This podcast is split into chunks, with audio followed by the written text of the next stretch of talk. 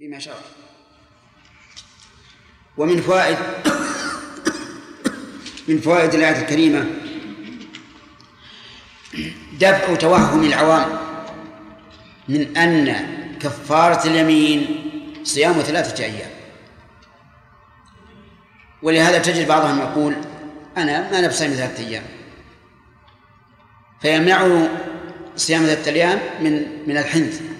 فيقال الأصل أن الواجب إطعام إطعام عشر مساكين. طيب لو قال قائل هل يجوز أن نلزم الغني بصيام ثلاثة أيام لأنها أشق عليه من إطعام عشرة مساكين؟ لا لا يجوز هذا.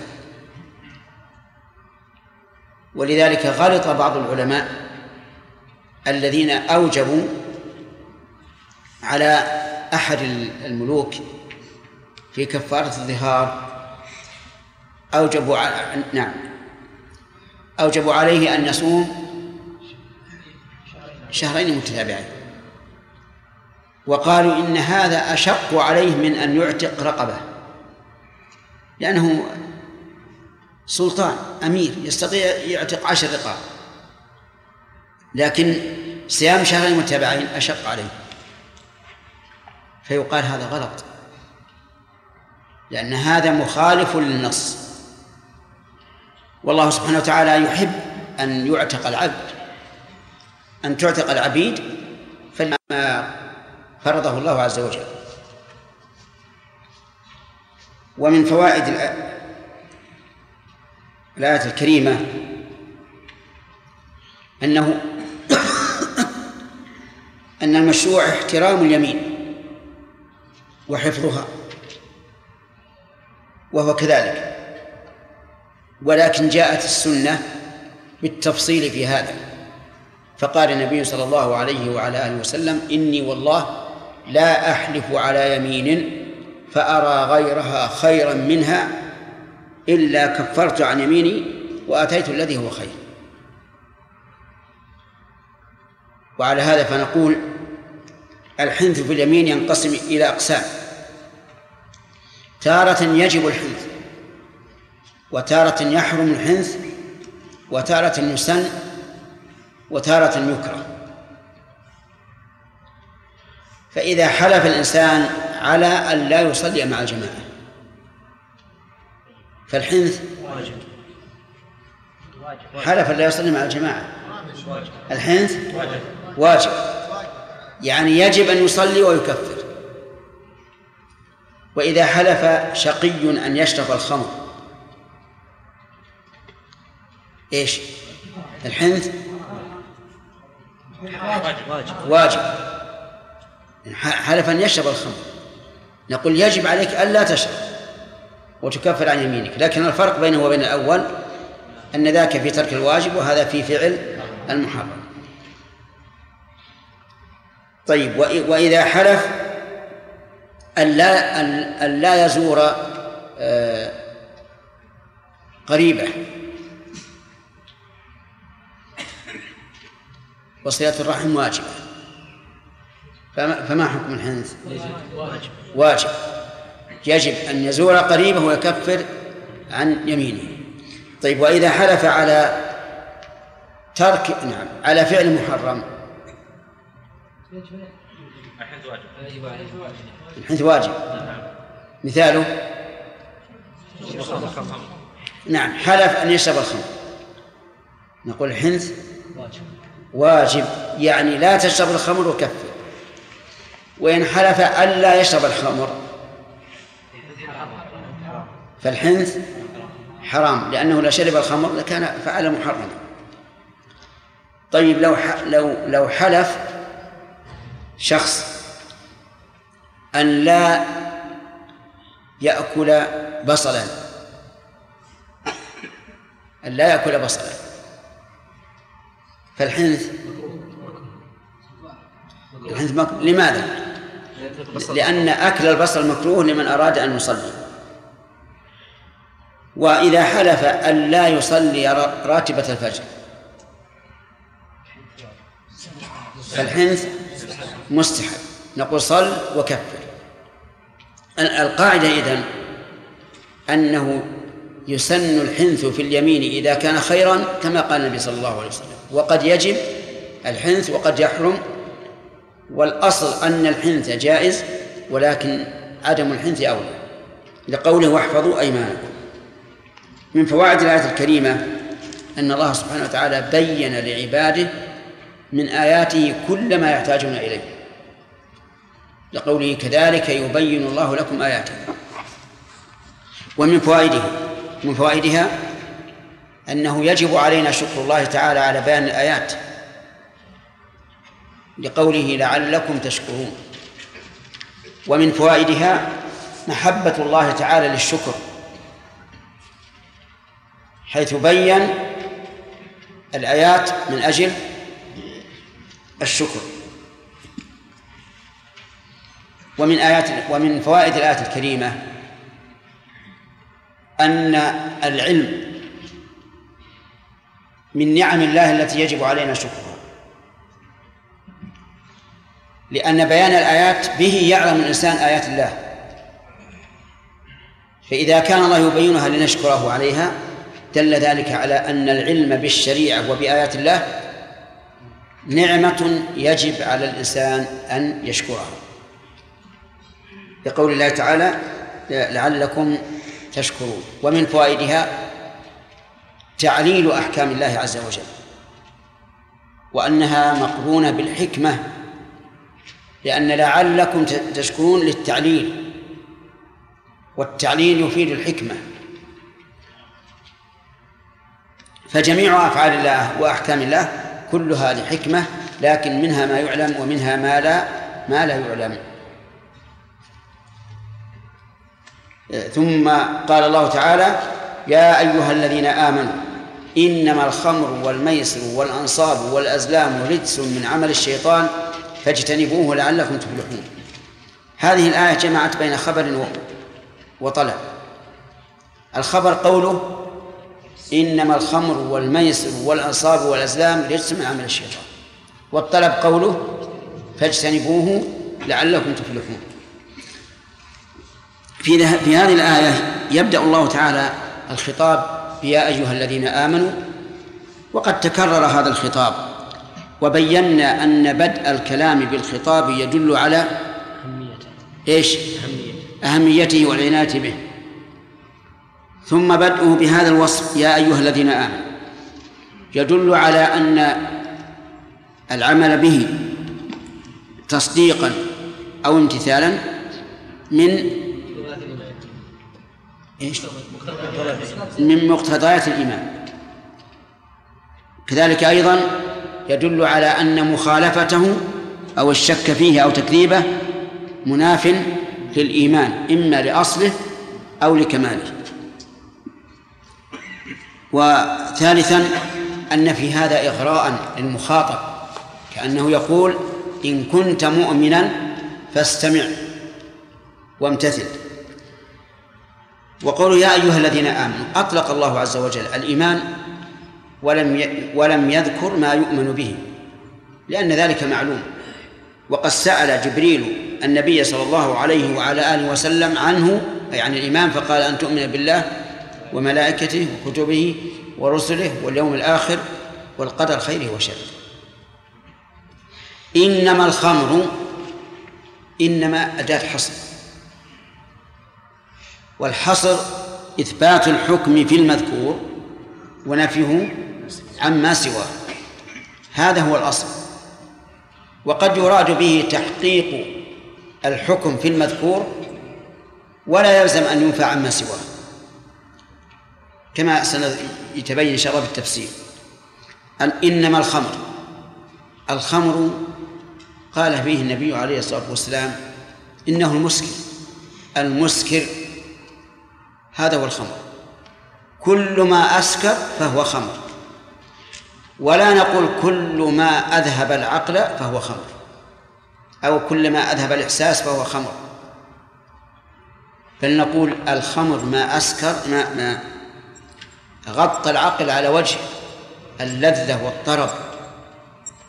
لأن الذين يشربون الخمر يجدون راحة ونشوة وطربا. وعلى هذا فالبنج ليس بخمر. لأنه وإن كان يفقد الإحساس لكنه لا يجد الإنسان فيه النشوة والطرب. ومع ذلك آه، لا يستعمل البنج إلا للحاجة والضرورة. الميسر هو أخذ المال على وجه المغالبة. أخذ المال على وجه المغالبة وسمي ميسرا لتيسر الحصول لتيسر الحصول عليه.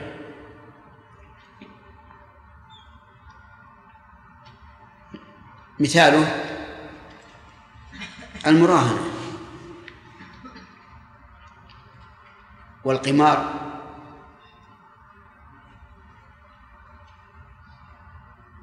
مثل أن يقول سنعمل عمل سويا ونجعل العوض مثلا عشرة آلاف ريال. نجعل عشرة آلاف ريال.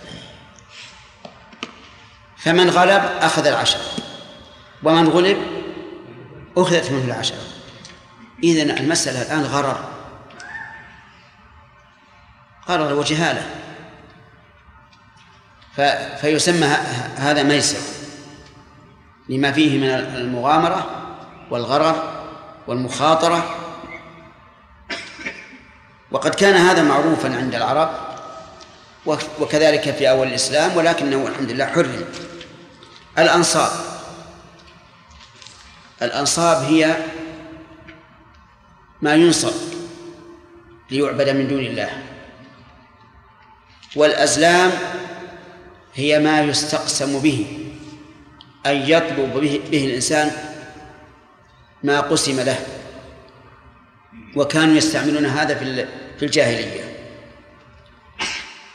يضعون أقداحا فيها افعل ولا تفعل والقدح الثالث ليس فيه شيء. ثم يخلطونها جميعا ويقول و يقول القائل خذ منها بدون أن أن تعلم. تجعل في كيس أو نحوه ثم يقال أدخل يدك وأخرج قدحا. إن خرج افعل فعل. إن خرج لا تفعل لم يفعل. إن خرج المهمل أعاد مرة أخرى. هذا العمل كانوا يستعملونه في الجاهلية. وهو مبني على أوهام لا حقيقة له ولذلك حرمه الله عز وجل. وقوله رجس من عمل الشيطان الرجس النجس. لكن يكون الرجس نجسا حسيا نعم ويكون معنويا. قال الله تبارك وتعالى إنما يريد الله أن يذهب عنكم الرجس أهل البيت. وقال اجتنبوا الرجس من الأوثان. المراد الرجس هنا حسي ولا معنوي هذا معنوي وقد يكون حسيا. أي نجس النجاسة حسية. كما في قوله تعالى قل لا أجد فيما أوحي إلي محرما على طاعم يطعمه إلا أن يكون ميتة أو دما مسبوحا أو لحم خنزير فإنه رجس. هذه الآية من أي رجسين؟ الحسي أو المعنوي؟ المعنوي. الصواب أنها من الرجس الحسي نعم الصواب أنها من الرجس المعنوي. لأنه وصف بقوله من عمل الشيطان. رجس من عمل الشيطان. فقول من عمل الشيطان صفة لرجس وليست خبرا ثانيا. لأننا إذا جعلناها خبرا ثانيا صار المعنى أن هذه الأربعة الخمر والميسر والأنصاب والإزلام رجس وأنها من عمل الشيطان.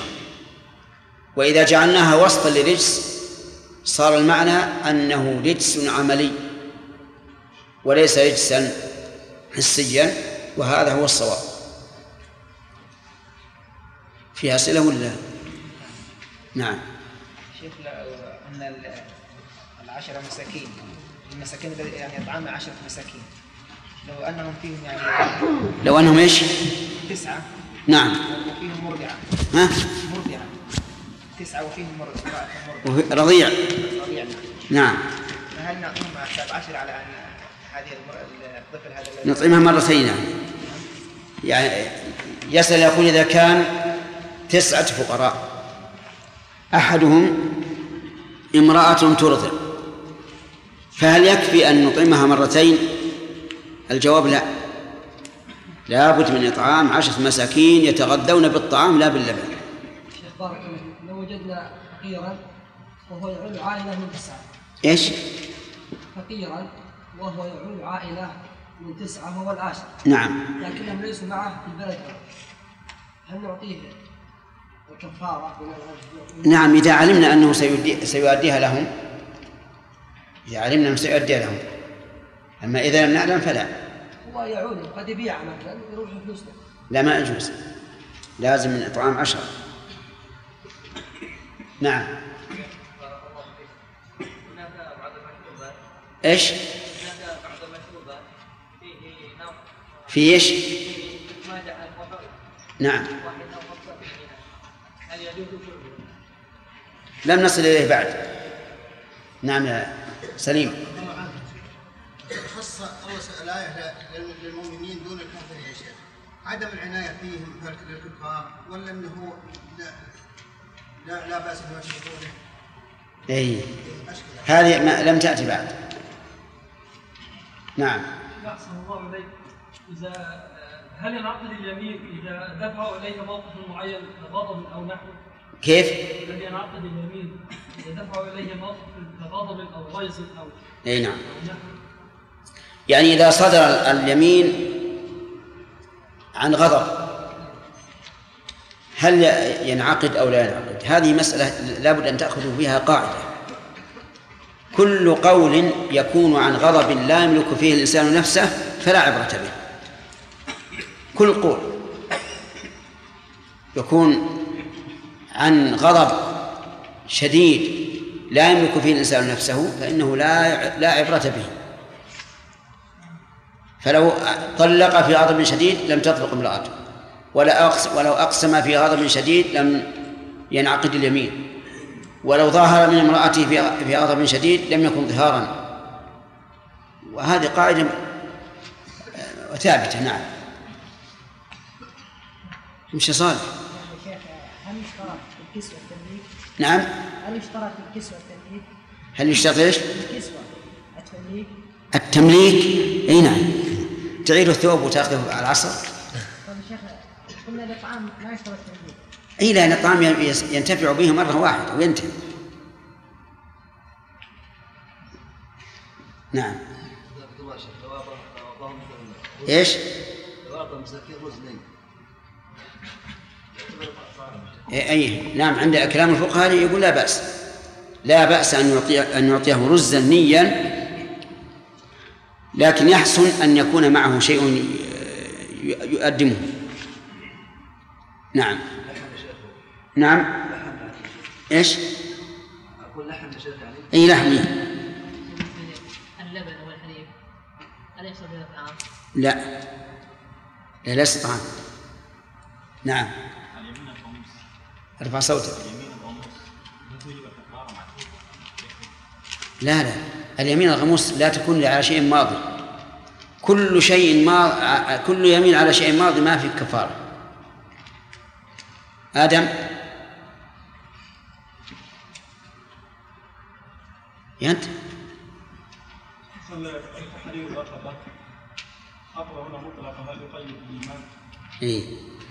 مطلقة أحسنت هذه نسينا أن ننبه عليها. الرقبة هنا مطلقة تحرير رقبه فهل يصح اعتاق الكافر؟ يرى بعض أهل العلم أنه يصح لأننا نطلق ما أطلقه الله ونقيد ما قيده الله.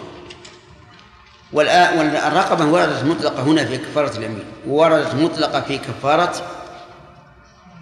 الظهار.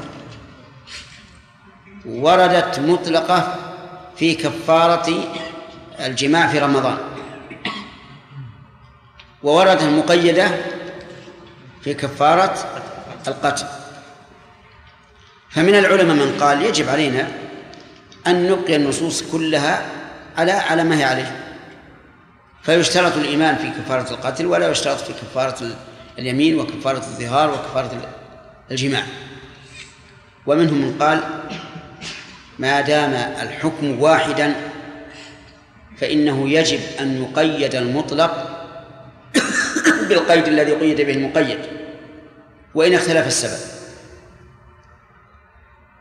واستدل هؤلاء بدليل حديث معاذ بن الحكم أنه أراد أن يعتق جاريته التي لطمها فدعا بها النبي صلى الله عليه وعلى آله وسلم وسألها أين الله؟ قالت في السماء. قال أعتقها فإنها مؤمنة. فإنه يستفاد من هذا أنه لو لم تكن مؤمنة ما شرع عتقها. وعللوا أيضا بتعليل جيد. قالوا إن إنه إذا أعتق الكافر فإنه لا يؤمن أن يرجع إلى أصله وأهله. لأنه الآن تحرر فيمكن أن يذهب إلى أهله ويزيد سوادهم في محاربة المسلمين. فالصواب أنه لا بد من الإيمان. الصحيح أنه لا بد من الإيمان. بالنسبة للكسوة ها؟ كسوة الأطفال إي نعم. ظاهر الآية أنه يكفي. لكن الطفل الذي يأكل الطعام والميسر والأنصار. إلى آخره. أثر عن ابن عب... ابن مسعود رضي الله عنهما رضي الله عنه في ذلك أثر. ما هو؟ نعم.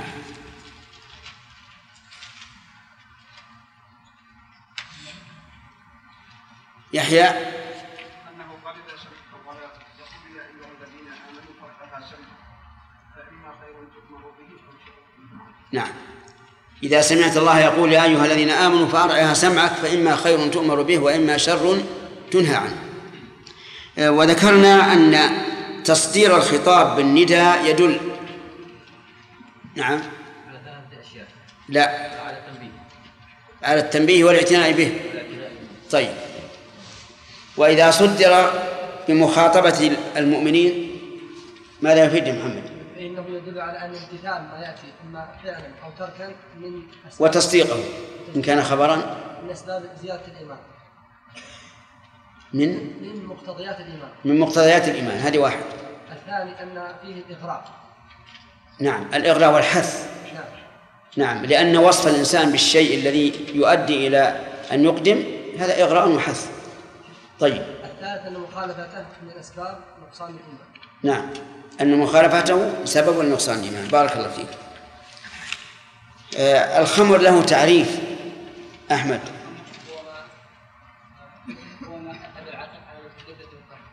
إيه، ما ما غطى. ما هو أذهب. مو يذهب العلاقة. طيب على وجه. على وجه اللذة والطرب طيب هل له أصل في في المعاني الحسية؟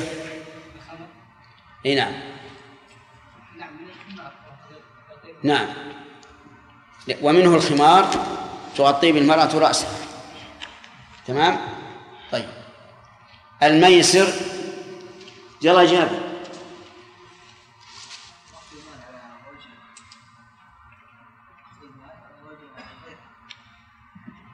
أخذ المال على إيش؟ لا ما صحيح. أجل, أجل معناه إني لو أعطيك هبة صار ميسر؟ ها.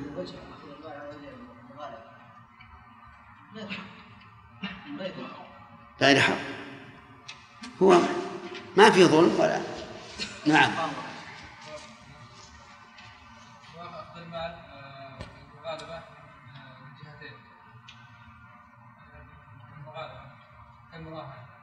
نعم. يعني أخذ المال على وجه المغالبة. طيب.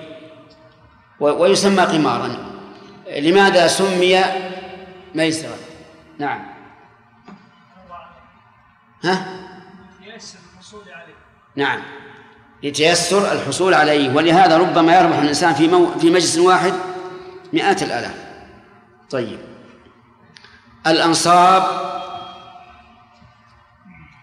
الأنصاب هي الأصنام التي يتصف لها الإنسان بالعبادة. ها؟ هي الأصنام هي الأصنام. الأصنام. لأنها تنصب لتعبد من دون الله. طيب. الأزلام.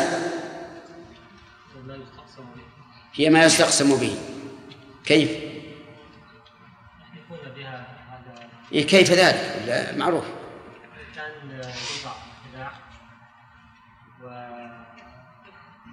لنفرض أنها رقاع. يكتب على احدهم لا يفعل أو لا تفعل فإذا خرج والثالث؟ والثالث لا يكتب عليه شيء. طيب. ويضعها في إيه. لا في إناء ما يصح. يعني الإناء يشوفه ويأخذ اللي اللي يبي إيه، أو في كيس. طيب. ثم يدخل يده فيأخذ واحد. واذا خرج واذا خرجت تفعل مم. فيأخذ به وإذا خرجت لا تفعل فيأخذ به وإذا خرجت التي لا ي- غير المكتوب عليها شيء يعيد مرة ثانية. صح. ما معنى يستقسمون؟ علموا هو الأجسام يستقسمون بها. إبراهيم. يطلبون ما قسم لهم. نعم. يطلبون ما قسم لهم. بارك الله فيك. قوله لعلكم تفلحون لعل هنا سامي. نعم ترجي. وهي من الله عز وجل واقعة. لعل. تعليل. تعليل. للتعليل لعل للتعليل. أي لأجل أن تفلحوا. آه، فما هو الفلاح يا فجري ما أخذنا؟ ناخذ إن شاء الله. أعوذ بالله من الشيطان الرجيم. قال الله تعالى رجس من عمل الشيطان. ذكرنا أن الرجس نوعان. جزاء. حسي ومعنوي. حسي ومعنوي مثل المعنوي مثل لقوله تعالى. لقوله تعالى رجس من عمل لا. قوله تعالى فاجتنبوا الرجس من الأوثان. فاجتنبوا الرجس من الأوثان. طيب الحسي جزاء. الحسي مثل الخمر. لا. طيب كمل حسي مثل الميت. هات مثال شاهد.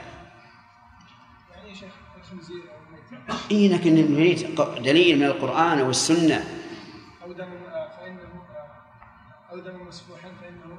كمل قوله تعالى قل لا أجد فيما أوحي إلي. قوله تعالى. قل لا أجد فيما أوحي إلي على طاعم قل لا أجد فيما أوحي إلي.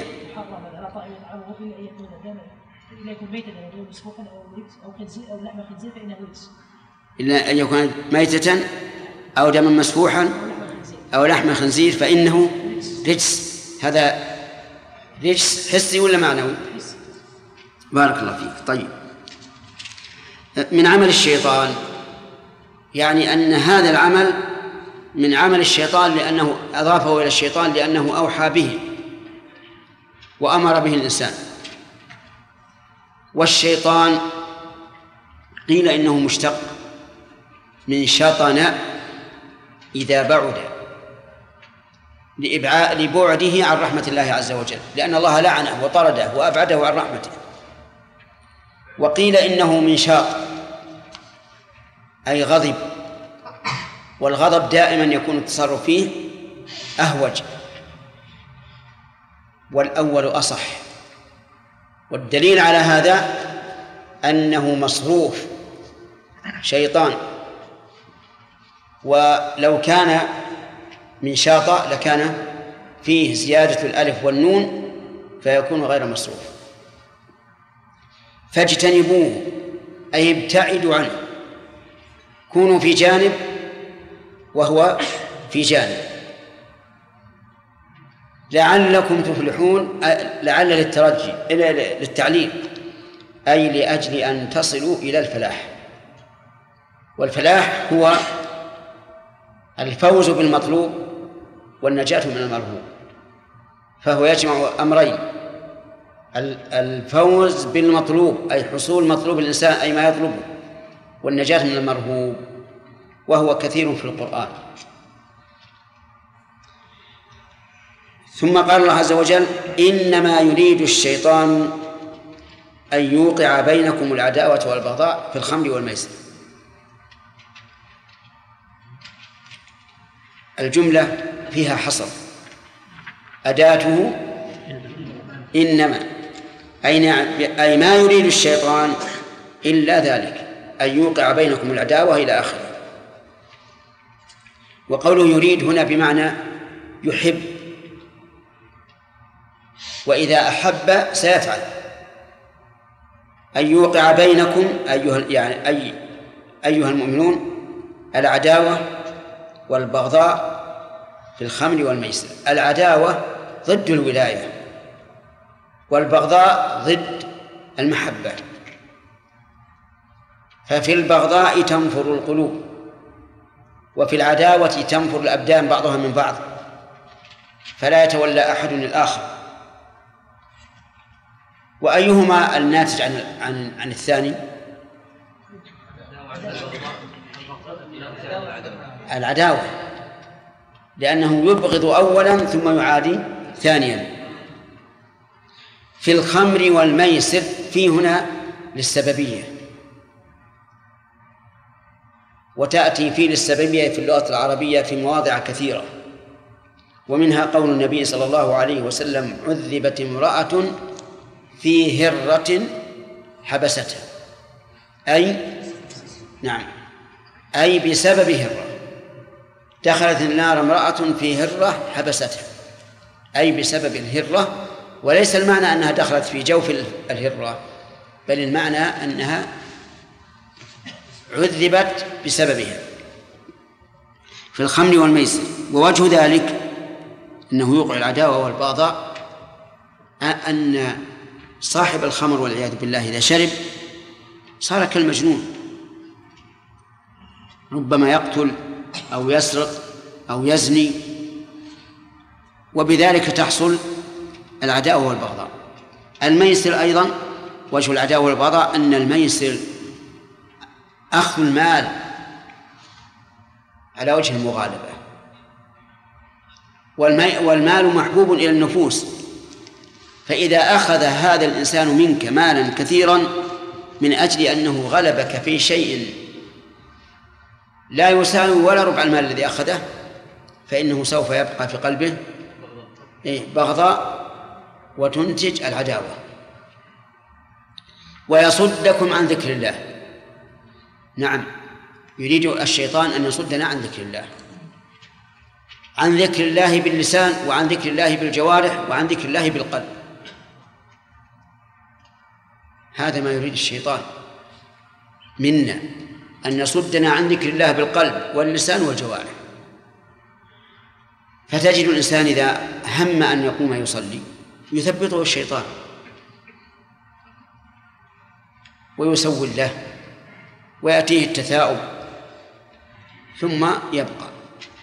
إذا أراد أن يذكر الله أو يقرأ القرآن فكذلك. تجده نشيطا في شيء من الأشياء فإذا أمسك بالمصحف ليقرأ أتاه الكسل. إذا عجز الشيطان عن عن الإنسان أن يصده عن عن القول والفعل أتاه من من ناحية ثانية وهي الصد بالقلب أن يصد قلبه عن ذكر الله. وهذه الفاجعة العظيمة. لأن القلب إذا غفل عن ذكر الله فإنه يضيع على الإنسان. أمور دينه ودنياه. قال الله تعالى ولا تطع من أغفلنا قلبه عن ذكرنا واتبع هواه وكان أمره فرطا. ولهذا يجب على الإنسان أن يلاحظ نفسه في هذه الناحية. هل هو إذا جلس يقرأ القرآن قلبه يكون حاضرا؟ وهل هو إذا ذكر الله يكون قلبه حاضرا؟ وهل هو إذا صلى يكون قلبه حاضرا؟ أم هو غافل؟ إنه إذا كان غافلا غافل القلب عن ذكر الله باللسان والجوارح فقد فقد روح العبادة حقيقة. ولذلك نجد الإنسان إذا غفل في صلاته خرج منها بقلب كما دخل فيها بقلب يعني بنفس القلب لا يزداد نورا ولا إيمانا ولا كراهة للفحشاء والمنكر وقد أخبر الله تعالى أن الصلاة تنهى عن الفحشاء والمنكر. فلماذا لا يجد الإنسان إذا خرج من الصلاة كراهة للفحشاء والمنكر؟ لماذا لا يجد؟ لأنه إنما صلى صلاة جسد فقط لا صلاة قلب. وهذه نقطة نسأل الله أن يعين عليها. أكثر الناس اليوم مبتلون بها ويسألون دائما كيف يتخلصون منها؟ لكن الخلاص منها سهل. وهو أن تحاول حضور القلب في الصلاة من أولها إلى آخرها. عود نفسك هذا أجبر نفسك على هذا حتى تجد لذة العبادة. طيب وعن الصلاة؟ نعم يصدك من ذكر الله وعن الصلاة خص الصلاة بالذكر معيدا حرف الجر إشارة إلى شرفها وعظمها. يعني أعاد حرف الجر دون أن دون أن يكون الكلام ويصدكم عن ذكر الله والصلاة. قال وعن الصلاة إشارة إلى أهميتها. فالتنصيص عليها وهي من ذكر الله دليل على شرفها. وإعادة العامل وهي معطوفة دليل آخر على شرفها وأنها جديرة بأن تكون قسما مستقلا برأسه و فهل أنتم منتهون؟ الاستفهام هنا بمعنى الإغراء. الإغراء عن بأي شيء؟ بالانتهاء. فهو أبلغ من قوله فانتهوا. يعني فهل بعد هذا البيان والإيضاح هل تنتهون؟ الجواب نعم ولا لا؟ نعم.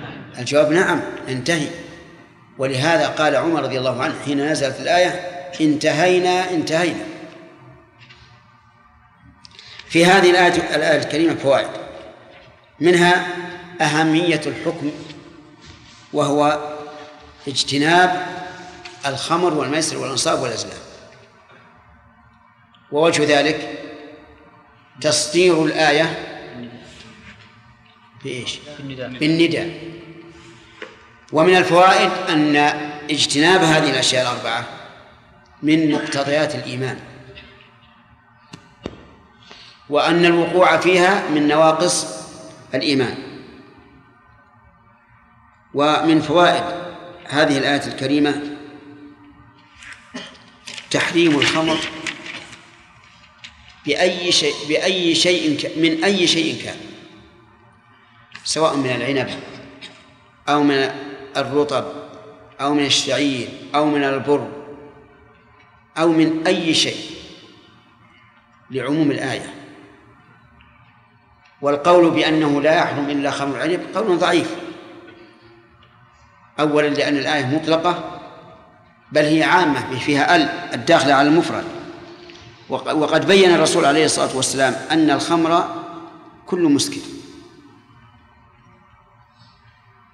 ومن فوائد الآية الكريمة أن الخمر قليله وكثيره حرام للعموم. ولكن إذا كان الشراب لو أقللت منه لم يحصل الإسكار ولو أكثرت لحصل الإسكار. فهل يحرم؟ الجواب نعم يحرم. لقول النبي صلى الله عليه وعلى آله وسلم ما أسكر كثيره فقليله حرام. ما أسكر كثيره فقليله حرام. ولأن تناول اليسير الذي لا يسكر ذريعة إلى تناول الكثير الذي يسكر. فإن الإنسان إذا شرب هذا الشراب اللذيذ وهو لا يسكره فإن ذلك يتعدى إلى أن يزداد منه فيسكر وهل إذا كان هذا الشراب يسكر من شربه ولا يسكر من أدمن عليه؟ كما يوجد الآن في الذين يدمنون على الخمر نسأل الله العافية لا يسكرون فهل يحرم عليهم أو لا يحرم؟ يحرم. لأنه إذا كان اليسير الذي لا يسكر يحرم فهذا مثله. وعدم الإسكار في هذا باعتبار الشخص المعين لا باعتبار قوة هذا الشراب فإن هذا الشراب فيه القوة المسكرة لا شك. فيكون حراما على من أسكره وعلى من لم من لم يسكره. ومن فوائد هذه الآية الكريمة جواز النبيذ إذا لم يصل, إلى حد الإسكار. النبيذ هو الماء. ينبذ فيه العنب أو الرطب لمدة يوم أو يومين. فيكتسب الماء طعم هذا الذي نبذ فيه دون أن يسكر فهل هو حلال أو حرام؟ الجواب حلال لأن المحرم الخمر. وهذا لا يسكر طيب لو لو طالت مدته بأن زاد على ثلاثة أيام فما دام لم يسكر فإنه حلال. لكن ينبغي إذا أتى عليه ثلاثة أيام ولا سيما في أيام الحر والمناطق الحارة ألا يشربه لأن الإسكار فيه قد يكون خفيا. ولكن علامة المسكر أنه يرتفع أن الشراب يرتفع لأنه يكون فيه الزبد والزبد يرفع من مستواه. فهذا علامة المسكر. والخلاصة أن النبيذ إيش؟ حلال. لأنه لا يسكر. لكن إذا كان في زمن أو مكان يغلب على الظن أنه وصل إلى حد الإسكار فالوراء اتقاؤه ويعطى الحيوان أو أو ما أشبه ذلك. ومن فوائد هذا الحديث هذه الآية الكريمة تحريم الميسر قليله وكثيره للعموم. إنما الخمر والميسر حتى لو كانت المغالبة من قرش واحد. كذا؟ لو يسيرا ولو يسيرا.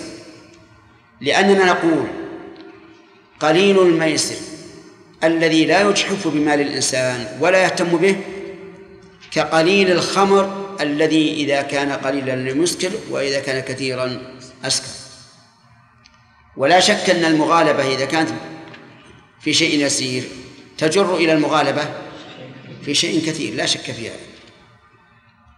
ويستثنى من ذلك ما مصلحته أعلى من مفسدته.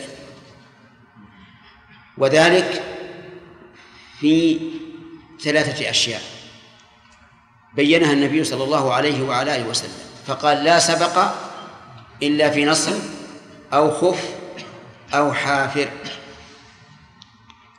السبق بفتح الباء هو العوض المأخوذ على السبق. والنصر السهام والخف البعير والحافر الفرس. قال أهل العلم وإنما استثنى النبي صلى الله عليه وسلم ذلك لأن بها يقوم الجهاد في سبيل الله الذي به إعلاء كلمة الله. وهذه مصلحة عظيمة مصلحة عظيمة. فالناس إذا علموا أنهم إذا تسابقوا في هذه الأشياء رخص لهم في أخذ العوض عليها سوف يكثرون إيش؟ المسابقة يعني سيحصل عليها شيئا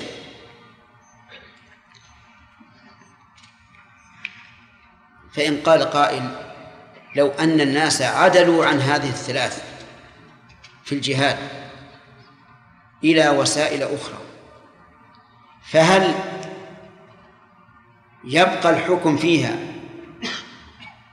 أو ينتقل إلى الوسائل الأخرى؟ فالجواب تعارض هنا اللفظ والمعنى اللفظ والمعنى. فمن كان لفظيا قال يبقى الحكم فيها وإن لم تستعمل في الحرب. ومن نظر إلى المعنى قال إنها إذا كانت لا تستعمل في الحرب فلا فرق فيها بين فلا فرق بينها وبين الأشياء الأخرى. وهذا هذا هو الأقرب. هذا هو الأقرب. إلا أن هذا يعكر عليه أن الرسول أخبر أنه في آخر الزمان تبطل وسائل الحرب ويعود الناس إلى السهام. يعود الناس إلى السهام. هذا واحد. ثانيا أن الرسول صلى الله عليه وسلم أخبر أن الخيل في نواصيها الخير إلى يوم القيامة. ثالثا أنه ربما تسقط منفعة هذه الأشياء في مكان دون مكان. ففي المغارات والجبال لا ينفع فيها إلا الخير فعلى كل حال نحن نريد أن نحرر المسألة من الناحية الفقهية. نقول إذا ثبت الحكم لعلة فإنه يزول بزوالها. فإذا قدرنا أن الناس لا يستعملون هذه الأشياء الثلاثة في الحرب فقد انتفت العلة فينتفي الحكم وتكون المغالبة فيها كالمغالبة في غيرها. طيب هي إذا بطلت لابد أن ينتقل الناس إلى إيش؟ إلى شيء آخر. فهل تجوز المسابقة بعوض في هذا الشيء الآخر الذي حل محل هذه المذكورات؟ الجواب؟ نعم لا شك في هذا. لا شك في هذا. وعليه فالوسائل الحديثة في الحرب تجوز فيها المغالبة بالعوض لأنها قائمة مقام هذه الأشياء الثلاثة. طيب. يشبه هذا من بعض الوجوه أن زكاة الفطر جاء فيها ذكر التمر إيش بعد؟ والشعير والزبيب والأقط وقد أخبر أبو سعيد الخدري رضي الله عنه أن هذا هو طعامهم في عهد الرسول عليه الصلاة والسلام. قال كنا نخرجها على عهد النبي صلى الله عليه وسلم صاعا من طعام وكان طعامنا يومئذ التمر والشعير والزبيب والأقط. لو أن الناس عدلوا عن الشعير وصاروا لا يقتاتونه فهل يبطل الحكم فيه أو لا يبطل؟ نقول من كان لفظيا قال لا يبطل لأنه نص عليه في الحديث. ومن كان معنويا قال إنه يبطل والصحيح أنه يبطل. وأنه إذا صار الشعير غير قوت فلا يجزي في الفطرة. لأن السنة واضحة في هذا. واضحة في أنه لابد أن يكون طعاما. مثل قوله في الحديث حديث ابن عباس رضي الله عنهما فرض النبي صلى الله عليه وسلم زكاة الفطر طهرة للصائم من اللغو والرفث وطعمة للمساكين. فانتبه لهذا. الآن لدينا مثالان. الفطرة وهذا آه، والمسابقة في الثلاثة. طيب المسابقة في العلم. نحن نعلم أن الدين الإسلامي قام بالجهاد باللسان والسنان فهل تجوز المغالبة في العلم الشرعي؟ بعوض أو لا تجوز؟ المشهور من المذهب أنها لا تجوز. وقالوا إن إن النبي صلى الله عليه وسلم حصر. لا سبق إلا في وهذا حصر. والذين يذهبون إلى اعتبار المعاني يقولون يجوز. تجوز المناظرة والمغالبة في العلوم الشرعية. وربما استدلوا بقصة أبي بكر رضي الله عنه مع قريش. في قوله تعالى ألف لام ميم غلبت الروم في أدنى الأرض وهم من بعد غلبهم سيغلبون في بضع سنين. من الذي غلب الروم؟ الفرس. والفرس قوم مشركون. ويميل إلى جانبهم المشركون من قريش. والروم أهل الكتاب. يميل إليهم المؤمنون. ويفرحون بانتصارهم على الفرس. مع أنهم كفار. لكنهم أقرب إلى المؤمنين من من الفرس في ذلك الزمن. لقوة الفرس في ذلك الوقت. قال المشركون لا يمكن أن يغلب الروم الفرس. وقال أبو بكر بل يمكن. أبو بكر يصدق بالقرآن وأخباره وهم لا يصدقون. فضربوا عشر, عشر سنين. إن غلبت الفرس في هذه العشر فالسبق على على من؟ على أبي بكر. وإن غلبت الروم فالسبق على قريش. فأقر النبي صلى الله عليه وسلم هذه المغالبة لأنها علم شرعي تصديق بالقرآن وعدم تصديق. واختار هذا القول شيخ الإسلام ابن تيمية رحمه الله على أن المغالبة في العلم بالسبق جائزة. لكن انتبهوا لنقطة في هذه المسألة. إذا كانت المغالبة لقصد الوصول إلى الحكم الشرعي. أما إذا كانت المغالبة من أجل أن يكتسب هذا مالا من من من أخيه فلا تجوز لأن هذه لأن هؤلاء لم يريدوا الدين أرادوا أرادوا المال أرادوا الدنيا. بعض الناس استغل هذه المسألة أو هذا القول استغل هذا القول على إطلاقه وقال خلاص ما دام المسألة مسألة علم فلمن تراها ولكن لا بد من التقييد. أن يكون القصد بالمغالبة الوصول إيش؟ إلى الحق.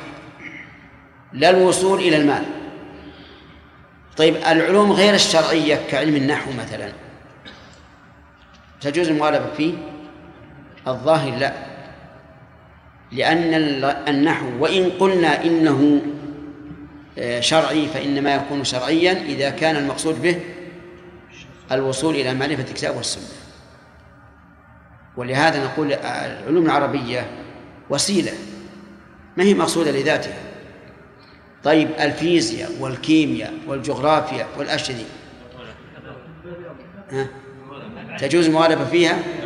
لا تجوز المغالبة فيها نعم. من فوائد هذه الآية الكريمة تحريم الأصنام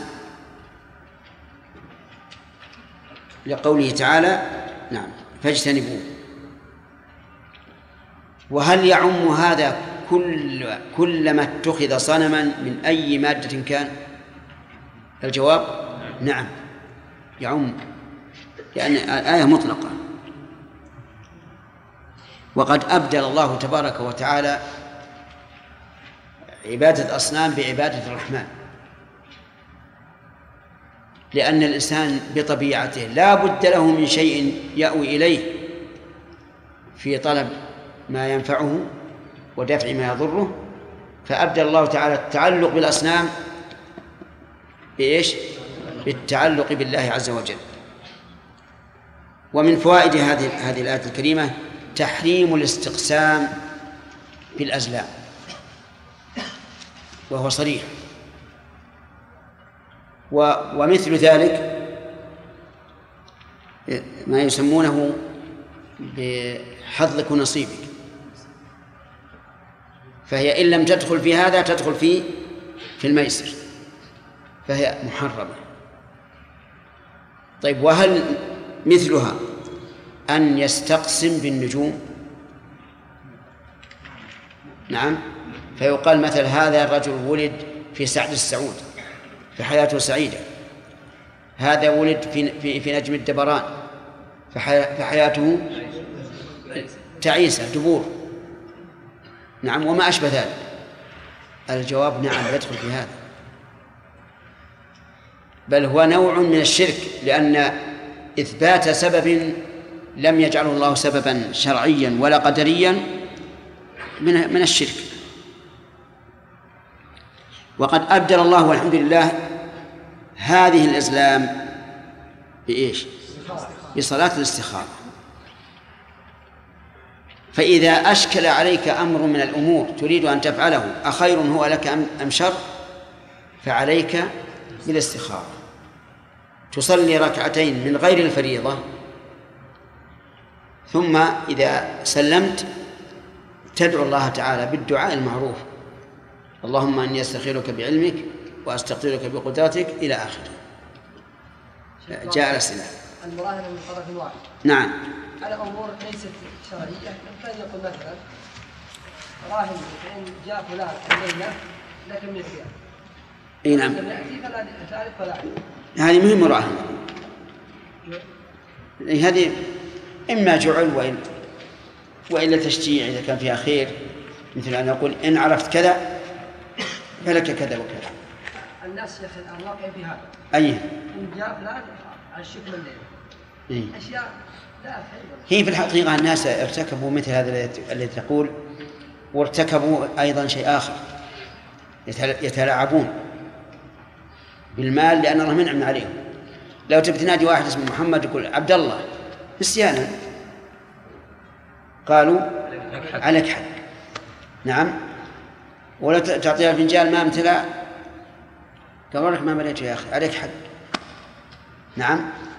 هذه الحقيقة أنا عندي أنها من باب الترف والميوعة وأنها في الحقيقة تلاعب بالمال. ولهذا نستفتى في هذه المسألة ونقول لا يلزمك أن أن أن أن تلتزم بما قال قل لا ما ما أعطيك شيخ بدل ما يقول بالتحريم تحريم صعب. تحريم صعب. نعم. يا أيها الذين آمنوا إنما الخمر والميسر والأنصاب والأزلام رجس من عمل الشيطان فاجتنبوه لعلكم تفلحون. إنما يريد الشيطان أن يوقع بينكم العداوة والبغضاء إلى آخره. انتهينا إلى قوله والأزلام. والأزلام. طيب. من فوائد هذه الآية الكريمة التحذير البالغ من هذه من هذه الأعمال الأربعة. من لقوله رجس من عمل الشيطان. فإن هذا يقتضي التنفير التام. بوصفها رجسا ثم بوصفها بوصف هذا الرجس من عمل الشيطان. ومن فوائد الآية الكريمة وجوب اجتناب الخمر والميسر والأنصاب والأزلام. لقوله فاجتنبوه. ومن فوائدها أن اجتناب هذه الأشياء الأربعة سبب للفلاح. وكل إنسان منا يريد الفلاح. فلي- فليأتي أسبابه. وجه ذلك قوله لعلكم تفلحون. من فوائد الآية الكريمة إثبات تعليل الأحكام الشرعية. يعني أن الأحكام الشرعية لها غايات حميدة وهي الحكمة. لقوله لعلكم تفلحون. ومن قوله أيضا رجس من عمل الشيطان فاجتنبوه ومن فوائد الآية الكريمة أن. أن طريقة القرآن الكريم في بيان العلل تارة.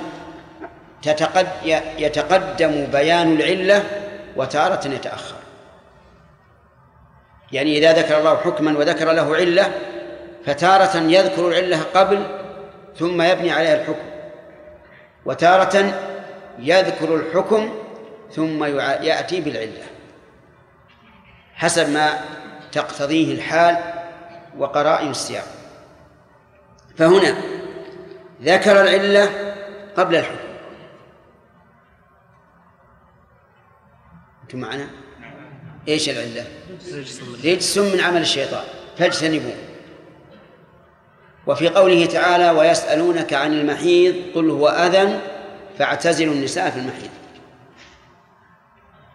قدم العلة والحكم العلة. فقال قل هو أذى فاعتزلوا النساء.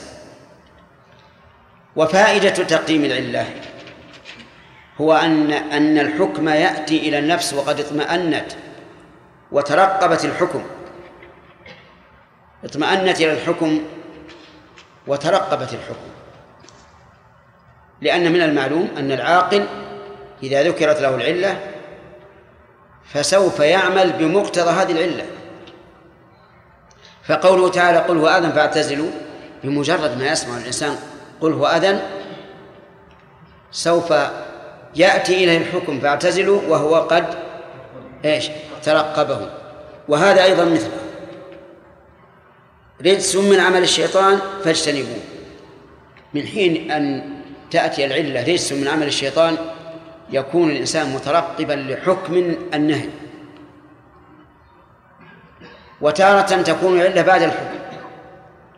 كما في قوله تعالى قل لا أجد فيما أوحي إلي محرما على طاعم يطعمه إلا أن يكون ميتة أو دما مسفوحا أو لحم خنزير فإنه رجس فإنه رجس وذلك لأن الميت والدم ولحم الخنزير تنفر منه الطباع. فقدم الحكم لأن النفوس السليمة تترقب هذا الحكم وربما تتجنبه بدون حكم شرعي. ثم يأتي الشرع تأتي العلة مطابقة لما تقتضيه الفطرة.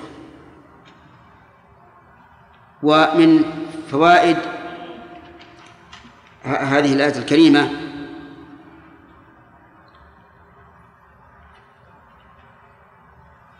أن أعمال الشيطان التي يأمر بها رجس.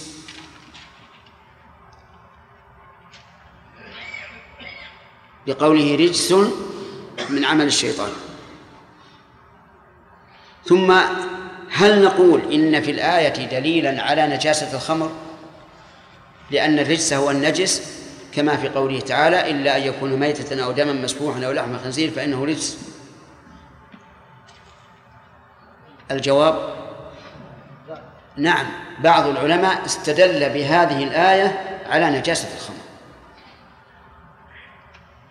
ولكن عند التأمل في الآية الكريمة لا تجد دليلا فيها على نجاسة الخمر. من وجهين. الوجه الأول أنه قال رجس من عمل فهو رجس عملي والرجس العملي هو الرجس المعنوي كما في قوله تعالى فاجتنبوا الرجس من الأوثان الوجه الثاني أن الميسر والأنصاب والأزلام. ليست رجسا. ليست رجسا حسيا. والخبر عن هذه الأربعة واحد أو مختلف؟ واحد. الخمر مبتدأ وعطف عليه الثلاثة ثم جاء الخبر رجس. فأين الدليل على أن هذه الأشياء الأربعة مختلفة في الحكم. فيقال في الثلاثة رجس عملي ويقال في الأول رجس حسي. أين الدليل؟ يحتاج إلى دليل.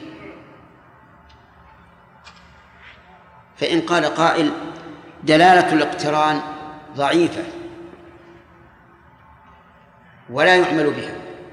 فالجواب أن الأصل في الاقتران أن يكون الحكم واحدا في الجميع إلا بدليل. مثال ذلك قال أبو حنيفة إن الخيل حرام. الخيل تعرفونه؟ معروفة؟ لقوله تعالى والخيل والبغال والحمير لتركبوها وزينة فقرنها بالبغال والحمير فتكون حراما. ولا شك أن الصواب معه لأن الأصل في الاقتران التوافق في الحكم لكن الخيل لها دليل يخرجها وهي ما رواه البخاري عن أسماء بنت أبي بكر رضي الله عنهما قالت نحرنا في المدينة على عهد النبي صلى الله عليه وعلى آله وسلم فرسا وأكلناه. وهذا يخرج الخيل عن حكم البغال والحمير.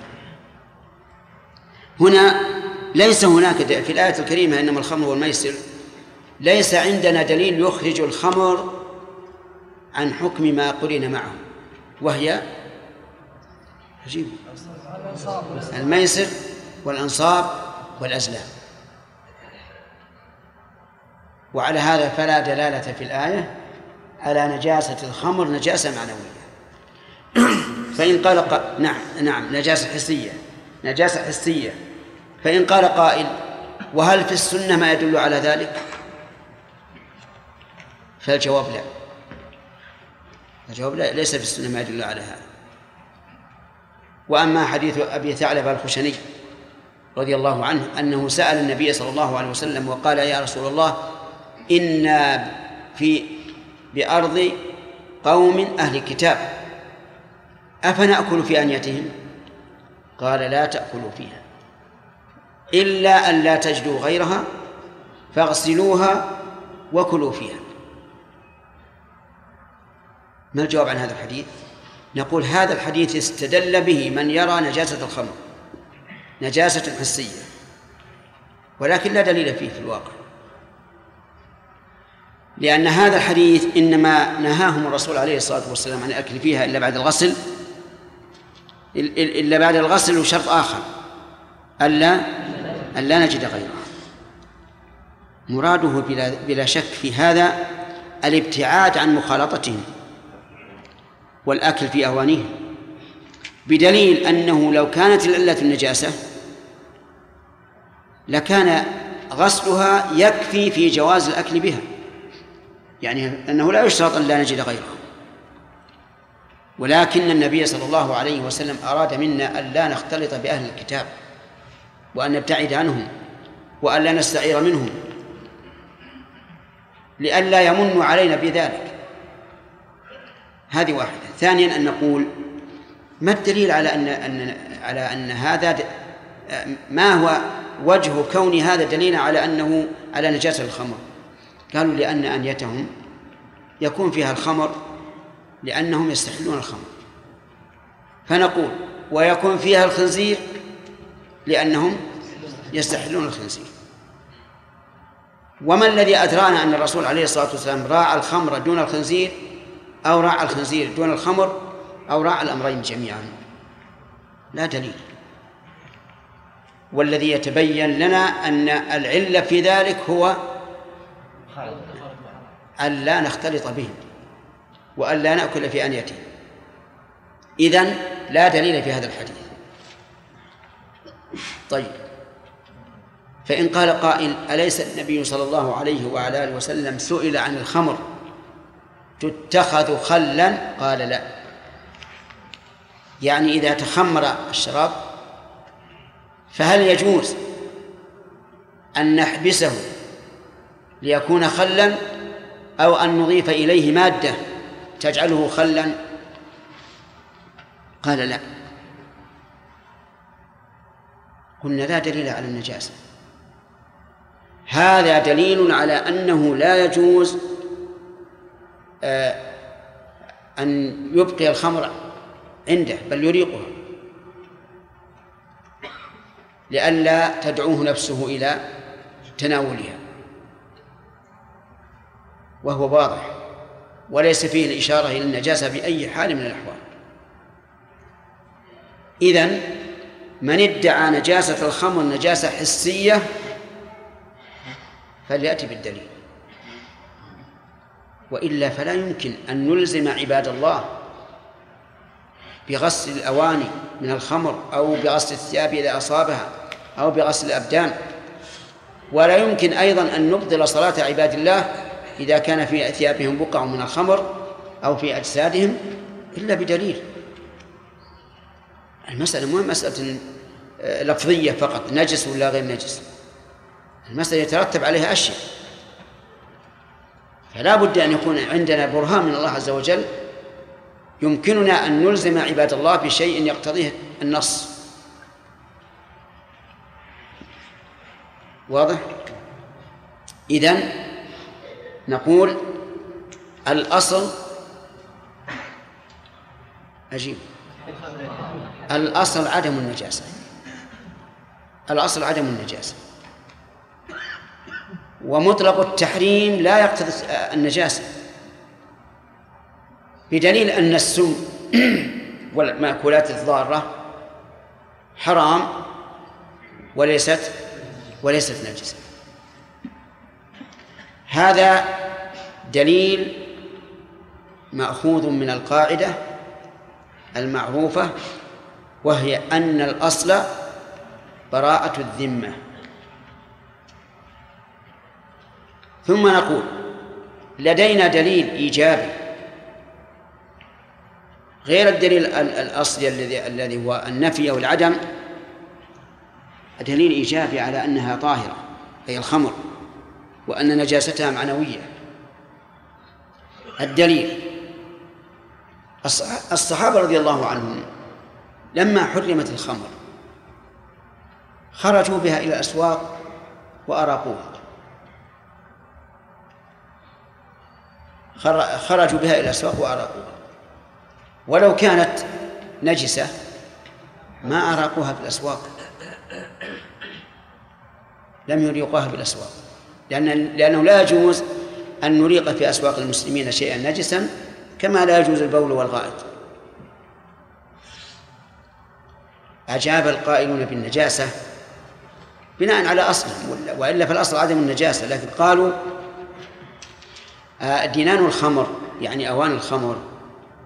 ليست بكثرة بحيث تسيل منها الطرقات.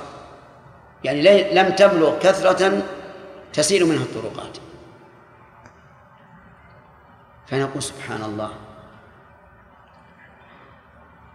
هل هذه الأواني التي يستعملها الصحابة رضي الله عنهم قبل التحريم أيها أكثر أو نقطة من بول؟ نعم؟ كيف ما فهمت. هي أكثر لا شك. لا شك. وهي أكثر من آه، شيء صغير من من العذرة. ونحن لا نقول إن إن أن سكك المدينة صارت أنهارا تجري من الخمر. ما نقول بهذا. لو قالوا ما الذي أدراكم أنهم أراقوها في الأسواق؟ لعلهم أراقوها في حافات السوق الذي ليس مطرقا للناس. فنقول هذا خلاف الإطلاق. خلاف الإطلاق. أراقوها في الأسواق. ولم يقل أراقوها في جوانب الأسواق. وكون الشيء في الجانب شرط زائد على الإطلاق فيحتاج إلى إلى ثبوت أنهم أراقوها في جوانب الأسواق. ثم هل نقل عن الصحابة أنهم لما أراقوها غسلوا الأواني؟ لم ينقل. لم ينقل ذلك. ولو كانت نجسة لا لا لا لا, لا غسلوا الأواني ونقلوا هذا للأمة. دليل آخر ما ثبت في صحيح مسلم أن رجلا أتى براوية من الخمر.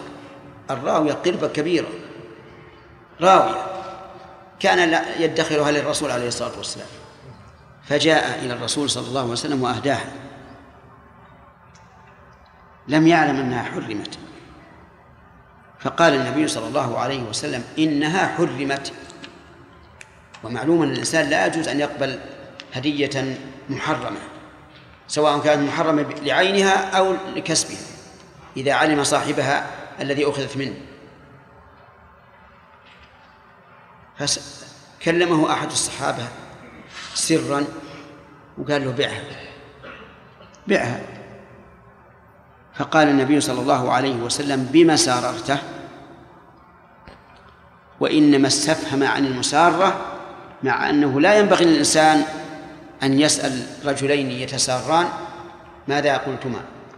لكن المقام يقتضي السؤال. ولعل النبي صلى الله عليه وسلم سمع طرف الحديث فقال بما ساررته؟ قال قلت بعها. فقال إن الله إذا حرم شيئا حرم ثمنه أو كما قال صلى الله عليه وسلم. ففتح الرجل فم الراوية وأراق الخمر بحضرة النبي عليه الصلاة والسلام. ولم ولم يأمره النبي صلى الله عليه وسلم بغسلها أرأيتم لو كان الخمر نجسا؟ أيسكت النبي صلى الله عليه وسلم عن أن عن عن أن يقول لهذا الرجل اغسل الراوية؟ عجيب لا يسكت أبدا لأن هذا الرجل لا يدري أنها حرمت. كيف يدري أنها نجسة فإذا يتبين أن الخمر نجاستها نجاسة معنوية. وهذا وإن كان لم يقل به إلا قليل من الأمة فالجماعة مع الدليل. الجماعة مع الدليل. والجمهور على أنه نجس نجاسة حسية لكن كما رأيتم الأدلة الآن واضحة أن نجاسته نجاسة معنوية. ينبني على هذا ما أش... الأشياء اللي فيها كحول الآن السبيرتو وكذلك أيضا ما يدهن به الجروح و... وما أشبه ذلك. هل تكون نجسة أو طاهرة؟ طاهرة. يعني إذا كان ال... الأصل الذي هو الخمر. طاهرا على ما تبين لنا من القرآن والسنة فكذلك ما كان فيه شيء منه من باب أولى أن يكون طاهرا. فإن قيل فهل تبيحون أن يتطيب الإنسان بهذه الأطياب أو يتدهن بهذه الدهنات نقول أما عند الحاجة فنبيح عند الحاجة نبيح ولا عندنا فيه والحمد لله إشكال. يعني مثل أن يحتاج الجرح إلى مسح بالسبيرتو أو غيره من أجل سهولة بطه بالإبرة. هذا لا شك أنه جائز. لأن الحكم المشتبه تبيحه الحاجة ولو كان أصله التحريم. طيب. فإن لم يكن محتاجا وإنما يتطيب به. فهل هذا حرام أو لا؟ ننظر. قوله تبارك وتعالى فاجتنبوه. هل المراد اجتناب شربه المؤدي إلى إلى المفسدة أو الاجتناب مطلقا؟ نقول إذا كان الله يقول فاجتنبوه ثم قال إنما يريد الشيطان إلى آخره علمنا أن المراد بالأمر بالاجتناب هو اجتناب الشرب لا شك في هذا أنه اجتناب الشرب. أما اجتناب غير الشرب فهذا محل اشتباه والورع أن لا يفعل الإنسان إلا لحاجة أن لا يتدهن بهذه الأشياء إلا لحاجة كالتعقيم للجرح وما أشبه ذلك. طيب فإن قال قائل إذا كان في هذه الأطياب نسبة لكنها ضئيلة كخمسة في المئة مثلا. فهل يؤثر؟ فالجواب لا يؤثر. لا يؤثر إلا ما أثر في, في المخلوط معه. وأما إذا لم يؤثر فليس بحرام. بدليل رجل عنده إناء من ماء سقطت فيه نجاسة لكن لم تغيره. ماذا يكون هذا الماء؟ يكون طهورا لأنه لم يؤثر. فعلى هذا نقول إذا كانت النسبة ضئيلة حتى في هذه الأطياب فإنها لا فإنه لا شك في أنها مباحة لأن النسبة الضئيلة لا تؤثر. ومن فوائد هذه الآية الكريمة رحمة الله تبارك وتعالى بعباده. الذين خلقهم لعبادته حيث حذرهم من كل ما فيه ضرر وبين لهم النتائج الطيبة. لقوله فاجتنبوه لعلكم تفلحون. ثم قال الله عز وجل إنما يريد الشيطان إلى آخره. في هذه الآية الكريمة إثبات الإرادة للشيطان. لقوله إنما يريد الشيطان. ولا شك أن له إرادة. أرأيتم قول الله له للملائكة اسجدوا لآدم فسجدوا إلا إبليس وجادل ربه؟ عن إرادة ولا عن غير إرادة؟ عن إرادة. إذن الشيطان له إرادة. ومن فوائد الآية الكريمة سوء إرادة الشيطان ببني آدم. وهو أن يوقع بينهم العداوة والبغضاء التي توجب التفرق. ومن فوائد الآية الكريمة أن تفرق الأمة من مرادات الشيطان لأن العداوة والبغضاء تؤدي إلى التفرق لا شك. فيكون كل ما يؤدي إلى الفرقة من من مرادات الشيطان. ومن من فوائد الآية الكريمة آه، القاعدة التي أشرنا إليها الآن أن كل ما يؤدي إلى الفرقة فإنه من مرادات الشيطان فيدخل في هذا آلاف المسائل. البيع على بيع المسلم. يوجب البغضة والفرقة. الاستئجار على استئجاره. الخطبة على خطبته. وما أشبه ذلك. فكل ما يؤدي إلى الفرقة فإنه من مراد الشيطان. ومن فوائد الآية الكريمة كراهة الله تبارك وتعالى للعداوة والبغضاء بين المسلمين. لأن هذا تحذير لا بعده تحذير. إنما يريد الشيطان يلقى إلى آخره.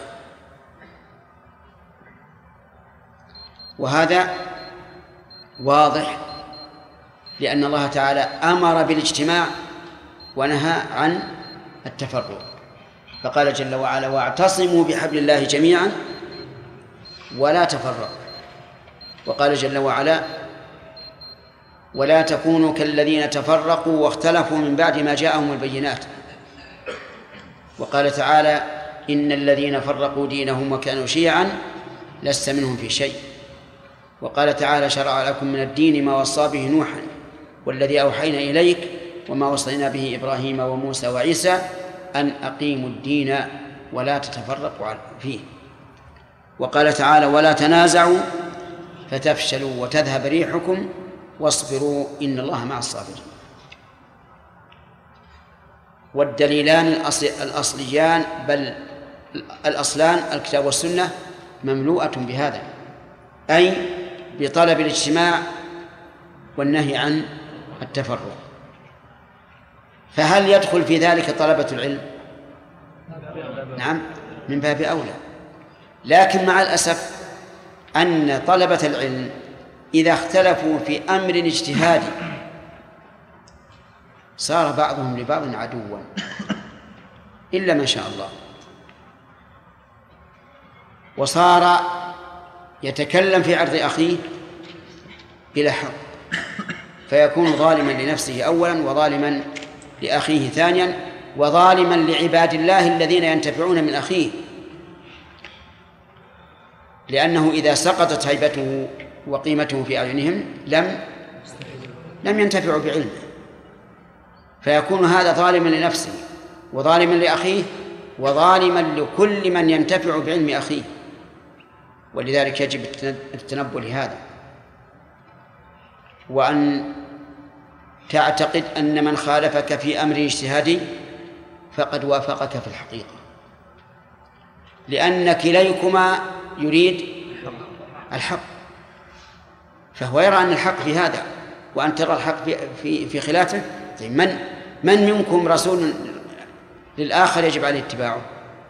من منكم في هذه الحال؟ لا أحد. إذن هو محق.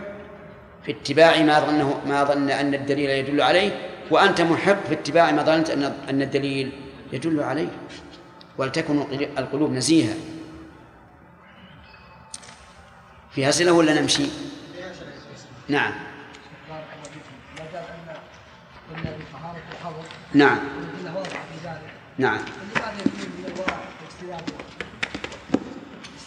الاستعمال؟ أي نعم. لأن قول لأن قوله فاجتنبوه. لفظ عام اجتنبوه في كل شيء في الاستعمال والشرب. لكن لا نجزم بأنه في الاستعمال لقوله إنما يريد الشيطان أن يوقع بينكم العداوة والبغضاء في الخمر والميسر فلذلك رأيناه من الأمور التي من الورع تركها. نعم يحيى صلى الله عليه قلنا إذا كانت النسبة آه، من الكحول هذه في الادهان ضئيلة لا يضر. نعم. هل مثل الشيخ يعني في بعض الاشربه يقولون فيها شيء من والخمر إي نعم إذا كان قليلا اشرب منها. لكن بنصحك إذا شربت فقل بسم الله وإذا انتهيت فقل الحمد لله. نعم يا سليم طبعا يا شيخ يمكن ان نضرب نضرب نضرب نضرب تاريخ تحريم الحمر كما ذكرت ابو اسماء رضي الله عنها وارضاها في ذبح الفرس لأن لأن أكل الخيل عند الناس الخيل غير غير معروف. لا أنا بزيدك على هذا. الخيل عند الناس يحرم صدرها ويحل دبرها. عند هذا يقول استقبال مستقبل آه، جسم الفرس حرام لأنه يلت- يلتقى به العدو عند الجهاد. وأما مؤخره فهو حلال. حلال لأن المؤخر يكون عند الإدبار عن العدو عن العدو. خليه يوكل.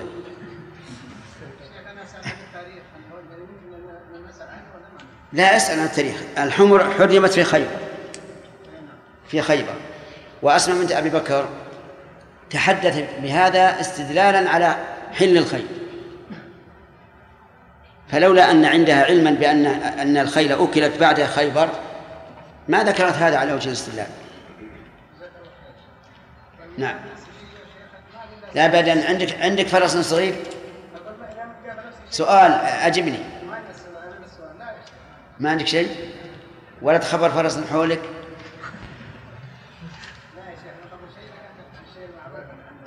لا هي المعروف نعم. بعض إيش؟ بعض لكن يفتقد الذراع كيف يعالج قلبه؟ والله يا أخي أنا عندي إنه سهل. فهمت من السؤال؟ يقول الإنسان قد يجد آه، يعني شحنة أو حسد أو حسدا بقلبه بالنسبة لأخيه فكيف يعالج هذا؟ يعالج هذا أن أن يقول لنفسه أنت تريدين الحق. والمسألة ما هي نص. المسألة اجتهاد. أما لو كانت نصا قالوا ما ما ما نقبل ان ان ان نعذره. لكن إذا كان اجتهاد الاجتهاد كلنا على اجتهاد. عليكم السلام. كان صوت ها؟ صدق. الله يبارك.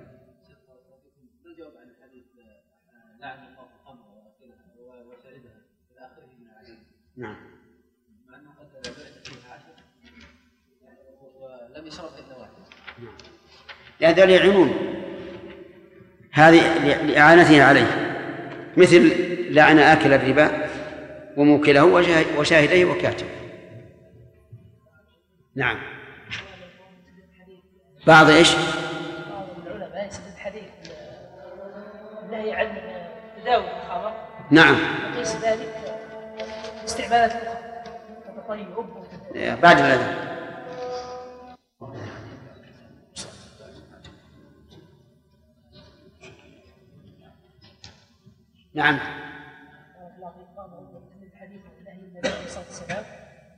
الخمر نعم.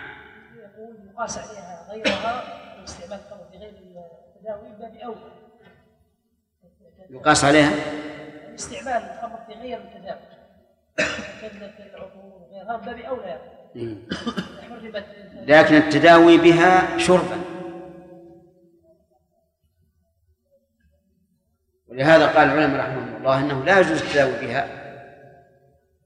حتى للعطش لا يجوز أن تشرب الخمر للعطش. وعللوا ذلك بأن الخمر إذا شرب الإنسان العطش لا تزيده إلا عطشا. ويرى بعض العلماء أنه يجوز للعطش. ولا يسلم أنها لا تزيد إلا عطشا. لكن إذا غص باللقمة وليس عنده إلا كاس خمر.